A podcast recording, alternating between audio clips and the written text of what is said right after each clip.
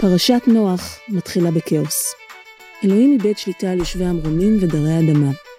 בני האלוהים לוקחים להם לנשים את בנות האדם ונולדים להם יצירי כלאיים בעלי כוחות על וחיי נצח. אלוהים מחליט להתחיל מחדש ולשטוף את הארץ במים. את כולם הוא מחליט למחות. פרט לאת נוח. ונוח מצא חן בעיני אלוהים. נוח איש צדיק תמים היה בדורותיו. את האלוהים יתהלך נוח.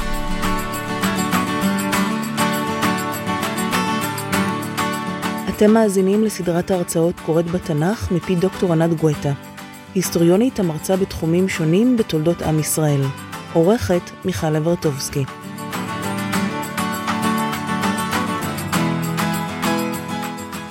בפרק ו' מתחילה פרשת המבול נטו. למרות שהיא התחילה כבר קודם, אבל היא מתחילה פרשת המבול נטו, ובפרק ו' אנחנו רואים שהוא מתחיל בדיסאורדר, בטירוף מערכות, בקורונה, אוקיי. ויהי כהחל האדם לרוב על פני האדמה, ובנות יולדו להם. ויראו בני האלוהים את בנות האדם כי טובות הנה, ויקחו להם נשים מכל אשר בחר. האלוהים הקפיד, למעלה יש יצורים שהם בני על מוות, למטה יש בני אדם. האנשים לא יכולים להיכנס אפילו לגן עדן, כי הכרובים, היצורים מלמעלה, שומרים על פתחו, כן? עם החרב המתהפכת. אבל לא רק בני האדם לא מצייתים לאלוהים, גם בני האלוהים, זאת אומרת המלאכים והיצורים השונים המחונפים לא מצייתים לבנות האדם, לא, לאלוהים אני מתנצלת, והם בוחרים להם נשים מכל אשר, מבני בני האדמה. ויאמר אדוני, לא ידון רוחי באדם לעולם בשגם, גם הוא בשר והיו ימיו מאה ועשרים שנה. הוא אומר, אהה, אם בעצם המלאכים יולדים, אה, סליחה, בנות האדם יולדות ילדים למלאכים, מה דינם של הילדים האלה? האם הם יחיו חיי נצח? האם הם יחיו חיים יותר ארוכים מאנשים שנולדו סתם לבני אדם? ולכן האל פה, לא בפרק א', לא בפרק ב', לא בפרק ג', לא בפרק ד', לא בפרק ה', לא בעונש המקראי, לא בזמן הגירוש, פה, אחרי המפגש של מי שלא צריך להיפגש עם מי, כן? בעצם אנחנו רואים שהאל מגביל את חיי האדם, גג 120 שנה. והנפילים היו בארץ בימים ההם, וגם אחרי כן, כאשר יבואו בני האלוהים אל בנות האדם וילדו להם, הם הגיבורים אשר מעולם אנשי השם. נוצרים יצורים שאלוהים לא תכנן אותם מראש, ענקים ונפילים. וירא אדוני כי רבה רעת האדם בארץ, וכל יצ, אה, יצר מחשבות ליבו רק רע כל היום. וינחם אדוני כי עשה את האדם בארץ, ויתעצב אל ליבו. אלוהים מחליט לעשות דילית, ויאמר אדוני אמחה את האדם אשר בראתי מעל פני האדמה, מאדם עד בהמה, אני תכף מסבירה את פסוק ז', כי הוא מסובך למי שלא קרא את פרק א' בבראשית, ויאמר אדוני, או את פרק ב', אמחה את האדם אשר בראתי מעל פני האדמה, מאדם עד בהמה, עד רמס ועד עוף השמיים, כי ניחמתי כי עשיתי. פסוק ז', אם אנחנו זוכרים את המפגש של האדם עם הבהמה, המפגש של האדם עם הבהמות השונות והחיות נערך אחרי שהאל אומר, אה, לא טוב היות האדם לבדו, אעשה לו עזר כנגדו, ואז הוא מוליך לפניו את כל היצורים שהוא ברא, האדם נותן להם שמות, ואלוהים מקווה שהוא יבחר משם את העזר כנגדו, אבל האדם איננו רוצה את הדבר הזה, ולכן הוא יוצר לו בסופו של דבר אישה. עכשיו, פה יש המשך של המחשבה הזאת, שהאדם הוא לא שונה משאר הבריאה, אלא הוא בריאה קצת יותר משוכללת, זאת אומרת, התחילו מהפחות מהפשוטים ביותר והגיעו עד אה, למשוכללים, ולכן אם יש דבר כזה, אז צריך לחסל את כל הבריאה, את כל הבריאה החיה, כן? ואלוהים מחליט למחוק אותם, וכשהוא מחליט למחוק אותם, פתאום צצה דמות שהוא לא יכול להעניש אותה. אתם זוכרים את חנוך, שהוא לא מת כי הוא היה בסדר, הוא התהלך את האלוהים, ולכן אלוהים לוקח אותו למעלה ונותן לו חיי נצח, אבל המצב בארץ לא מסתדר, זאת אומרת, המצב על פני כדור הארץ לא מסתדר, אלוהים הולך לפתרון אחר, והפתרון האחר הוא, בואו תראו, הוא כאילו דליט, אבל אופס, ונוח מצא חן בעיני אדוני. אוקיי.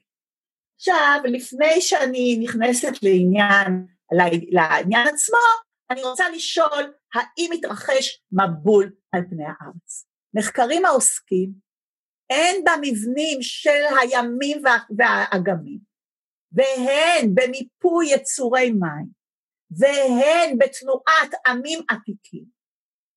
השילוב של המחקרים האלה מבסס סוג של הנחה שבאלף השישי לפני הספירה עלה הים התיכון על גדותיו. זאת אומרת הפקק שבין הים התיכון והים השחור, שהוא כאילו בבוספורוס, כאילו פק, יצא והים התיכון הציף את הים השחור. ואנחנו יודעים שסיפורי מבול נפוצים אצל צאצאיהם של בני האדם שחיו מסביב לאזור המוצף, וכשהתחילה ההצפה הם זזו ואישו את מה שנקרא אזור בין הנחלים, בין הנהרות, מסופוטמיה, השומרים, האכדים, הבבלים, האשורים וכולי וכולי, האילמים, אצל, אצל כולם יש מה שנקרא סיפורי מבול. יפה. ואחרי כל המבוא הזה וההקדמה הזאת, בואו נלך אל הסיפור התנ"כי. בראשית ו', פרק פסוק ט', אלה תולדות נוח. נוח איש צדיק תמים היה בדורותיו. אופס, פתאום אנחנו פוגשים משהו שכבר פגשנו. את האלוהים התהלך נוח. אתם זוכרים? ויהי כל ימי חנוך חמש ושישים שנה או שלוש מאות שנה. ויתהלך חנוך את האלוהים, תשימו לב. בכל דור יש לנו אדם שהשמות שלהם כאילו, נוח כאילו נוצר מחנוך, או שמו של נוח חבוי כאילו בתוך שמו של חנוך.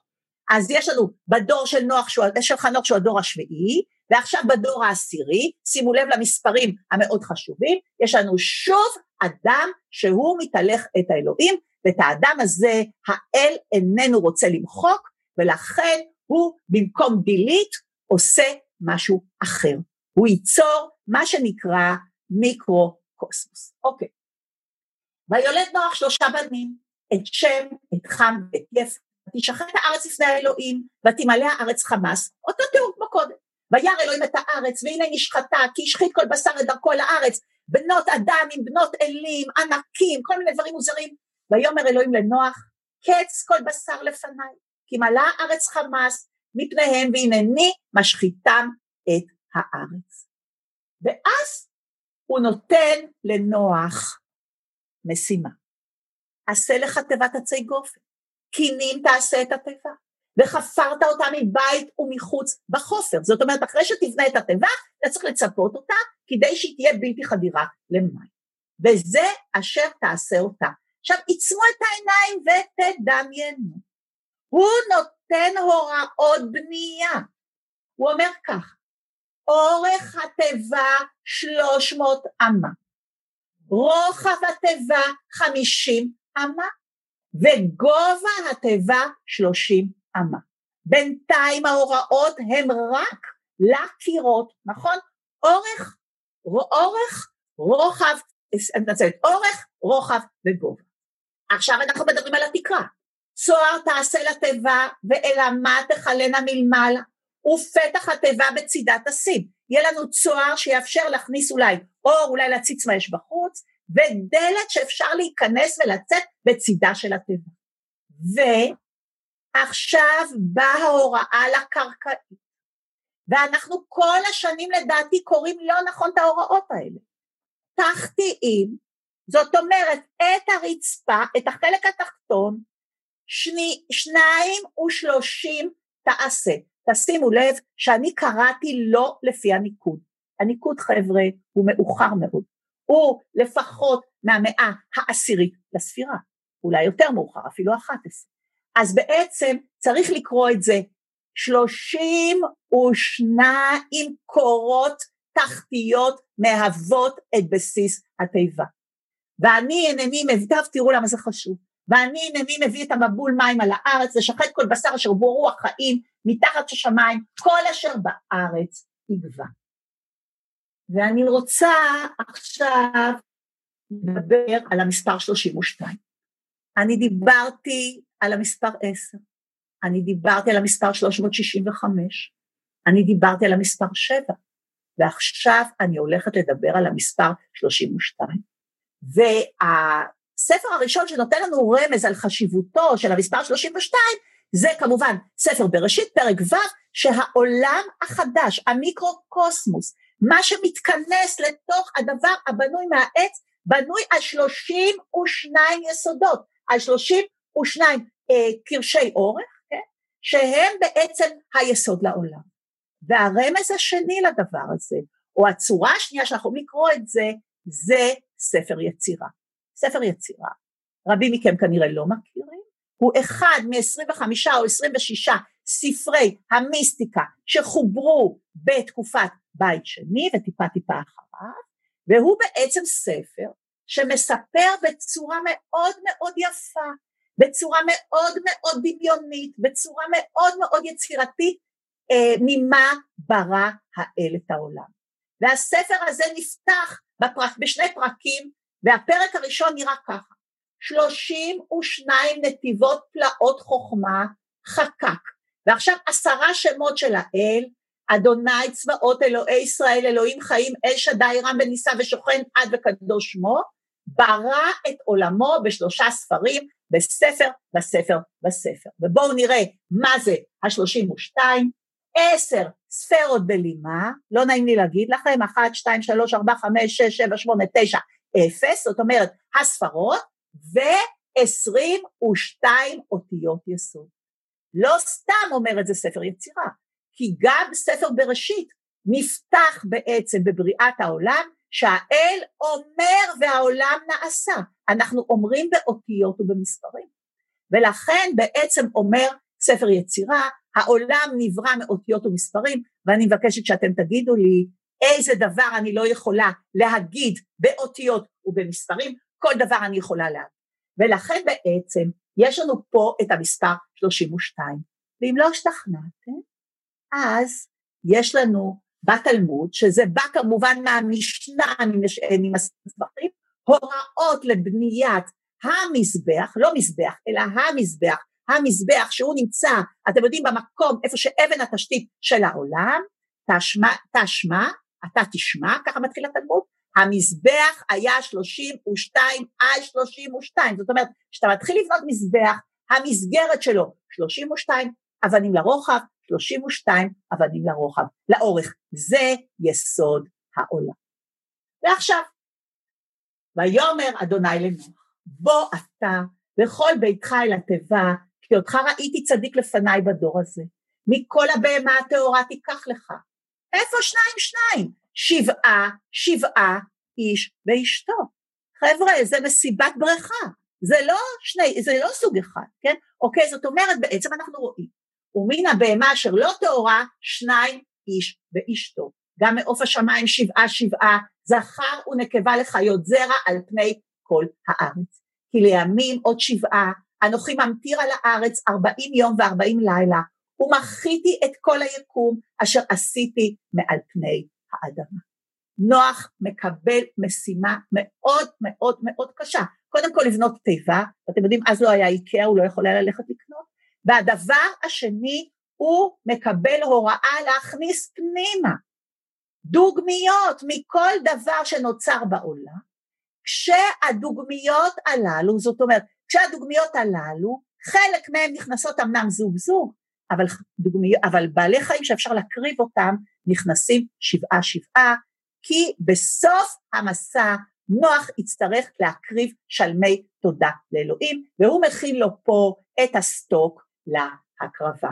ויעש נוח ככל אשר ציווהו אדוני, ונוח בן שש מאות שנה, והמבול היה מים על הארץ, ויעבור נוח ובניו ואשתו, ונשב עניו איתו אל התיבה, אה, אה, מפני מי המבול, מן הבהמה הטהורה, ומן, אה, ומן הבהמה אשר איננה טהורה, ומן העוף, וכל אשר רומס על האדמה. שניים, שניים באו אליו. זאת אומרת, אפילו אלה שהוא בחר אותם שבעה שבעה, איך הם נכנסו לתיבה? שניים שניים. זאת אומרת, כמו בשטיח האדום הזה של הוליווד, אתם יודעים באוסקר, ככה הם עברו שניים שניים.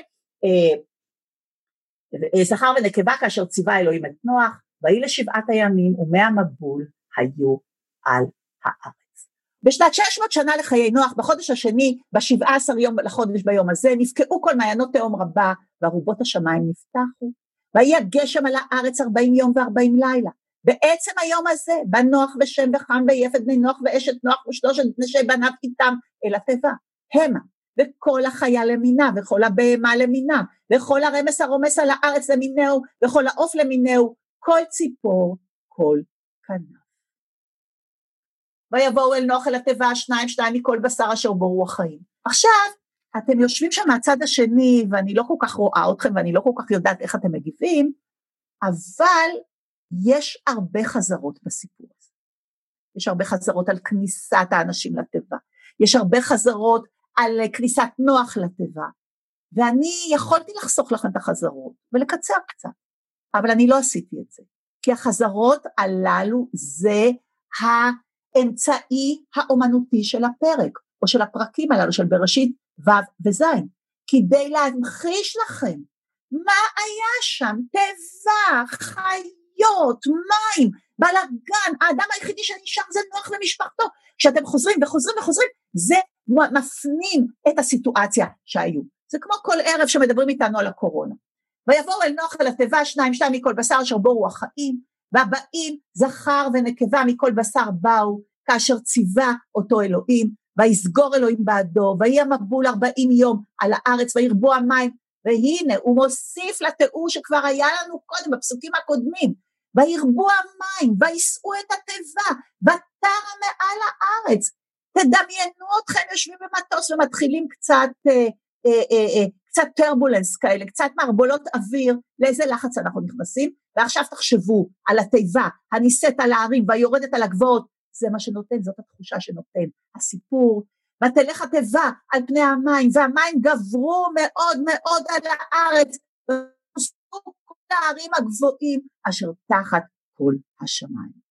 חמש עשרה אמות מלמעלה גברו המים, ויכוסו הערים, ויגבע כל בשר הרומס על הארץ, בעוף ובבהמה ובחיה, ובכל השרץ השורץ על הארץ וכל האדם. אני, כשקראתי את זה ביום שני, ועכשיו אני קוראת את זה שוב ביום חמישי, ובאמצע קראתי את זה שוב ביום רביעי כדי לחזור על זה, גיליתי שבעצם הסופר המקראי הפך לכתב טלוויזיה, שעומד לו שם עם המיקרופון ועפים מעליו, עפות מעליו קטיושות או כל מיני טילים מעזה, והוא מדווח. אז הוא אומר, ויבא כל בשר, בחיה בזה, וכל האדם, וכל בזה, והוא הולך ומתרגש, הולך ומתרגש, ונותן לנו בטקסט הזה תחושה של הקטסטרופה של המבוא. ואני הולכת לפסוק כ"ב, כן? כל אשר נשמעת אה, רוח חיים באפיו, מכל אשר אה, בחורבה, אה, בכל אשר בחורבה, וימח את כל היקום אשר פני האדמה, מאדם עד בהמה עד רמס ועד עוף השמיים. אה, וימחו מן הארץ, וישאר אך נוח ואשר איתו בתיבה, ויגברו המים על הארץ מאה וחמישים יום. אז אוקיי, הגשם ירד ארבעים יום וארבעים לילה, אבל המים היו בסיטואציה הזאת עוד מאה וחמישים יום. אז אלה שאיבדו את החשבון, אלה שלא זוכרים, שבעה ימים היו תקועים בתיבה עד שירד הגשם, עוד ארבעים יום היטלטלו עם התיבה מהערים לבקעות, מהבקעות לערים לימים וכולי, ועוד מאה חמישים יום התיבה עוד נעה בכוח המים הנמצאים כל כך גבוה מעל ההרים. אני חוזרת למדרש תנחומה החמוד, וכבר דיברתי עליו, שהוא אוסף מדרשים מן המאה השנייה עד המאה השישית לספירה, ומדרש תנחומה החמוד, אתם יודעים, הרבנים יושבים שם בעשר חדר ומתדיינים, אז אחד אומר לשני, תגיד, איך הם הסתדרו שם בתיבה? איך הם לא אכלו אחד את השני? איך הייתה לו אספקה לכל כך הרבה זמן? הרי כאילו אלוהים אמר לו 40 יום ו-40 לילה, הוא לא אמר לו שזה יהיה כל כך הרבה זמן. והם מגיעים למסקנה אחרי דיוק. עכשיו, אני רוצה לשאול אתכם משהו. אתם לא יכולים לענות לי, זה נורא כיף, אני יכולה לשאול ולענות לבד. אה, כשמישהו מטיל עלינו איזושהי צרה, או הוראות, בואו ניקח את האדון סימנטוב ממשרד הבריאות, שבשבועיים הראשונים הוא היה גיבור ישראל, בשבועיים אחרי זה, מה הוא משתלט לנו על החיים, בשבועיים אחרי זה הוא הורס לנו את הכלכלה והוא היסטורי, ועכשיו הוא התפטר מסכן. זאת אומרת, אנחנו שינינו את דעתנו על האדם לא בגלל שהוא עשה משהו אחר ממה שהוא עשה, הוא עשה כל הזמן את אותו דבר, הוא כל הזמן טען, צריך להיזהר, צריך לשמור, זה לא דבר רגיל, אנחנו עלולים ליפול לקטסטרופה, אנחנו אלה ששינינו את דעתנו על הבן אדם. אני לא יודעת, אני לא, אבל הרבה מאוד אנשים שינו את דעתם על בן אדם, בעיקר ביבי וליצמן. אה, עכשיו בואו נראה את המילה תמים. שמתם לב שאנחנו כבר התעסקנו עם המילה תמים, כן ברית מילה, לא עוד ברית מילה, התעסקנו עם העניין תמים שלם, צדיק. כשהם יושבים בחדר ודנים בשאלה מה היה שם בתיבה, הם בשלב הראשון לא מתייחסים בכלל לתיבה. הם מתייחסים למושג תמים. למה? למה התורה קוראת לו תמים? והם טוענים שהם מתייחסים למושג תמים כי האיש התנהג נפלא לא לפני, אלא בתיבה עצמה. שזו גישה מאוד מאוד מעניינת. זאת אומרת שאלוהים לא בחר את האיש הכי נחמד, האיש הכי צדיק, אלא הוא בחר את האיש שלדעתו יוכל לנהל במשך שנה שלמה את העולם. אוקיי?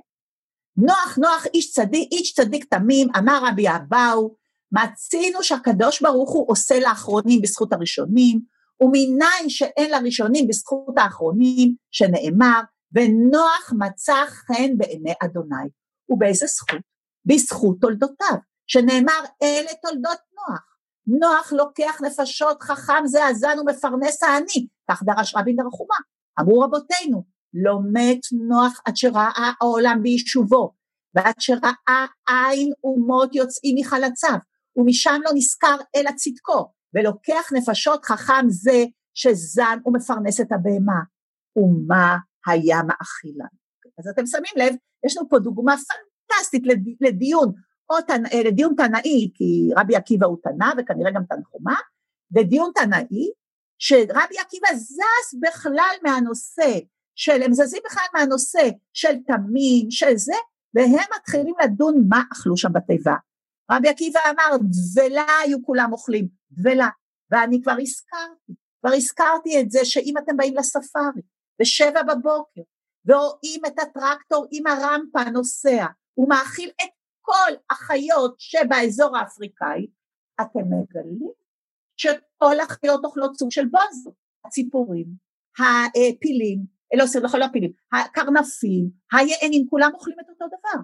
ונשאלת השאלה למה?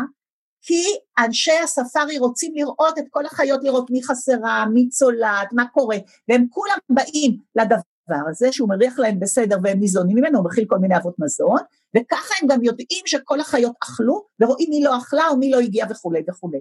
אז לא חסר אותו דבר, במקום סוג של בונזו, הוא הביא לספינה דבלין, אומר רבי עקיבא, והיו כולם אוכלים את הדבלים. כמו שנאמר, והיה לך ולהם לאוכלה. ורבותינו אמרו לא, אלא כל אחד ואחד. זאת אומרת, רבותינו, הכוונה בדורות שאחרי רבי עקיבא, הם התווכחו עם רבי עקיבא למרות שהוא כבר היה מת מזמן, אה, מכל מין האכילם מה שלמד, הגמל תבן וחמור שעורים, וכן כולם מה שלמד היה אוכל, הווי ולוקח נפשות חכם, יש בהמה שהיא אוכלת בשעה אחת ביום, ויש בשתיים, ויש בשלוש, ויש בשליש הלילה, ויש באמצעו, ויש בקרות הגבר, אמרו רבותינו, י"ב חודש בתיבה, שמתם לב שהכחלתי לכם את י"ב חודש בתיבה, כי הם שמרו בתיבה שנה שלמה, אנחנו בינתיים הגענו בספירה ל... אה, אה, הגענו בספירה ל-197, אבל הם בסך הכל ישהו שנה שלמה בתיבה, לא ראה שינה, לא ביום ולא בלילה, שהעוסק בזן הבריות שעימו, הרי ולוקח נפשות חכם. זאת אומרת, תוך כדי הדיון הזה, בכינויים שהמקרא מעניק לנוח, אנחנו רואים שרבותינו נתנו את דעתם לשאלה איך הסתדרו שם בטבע.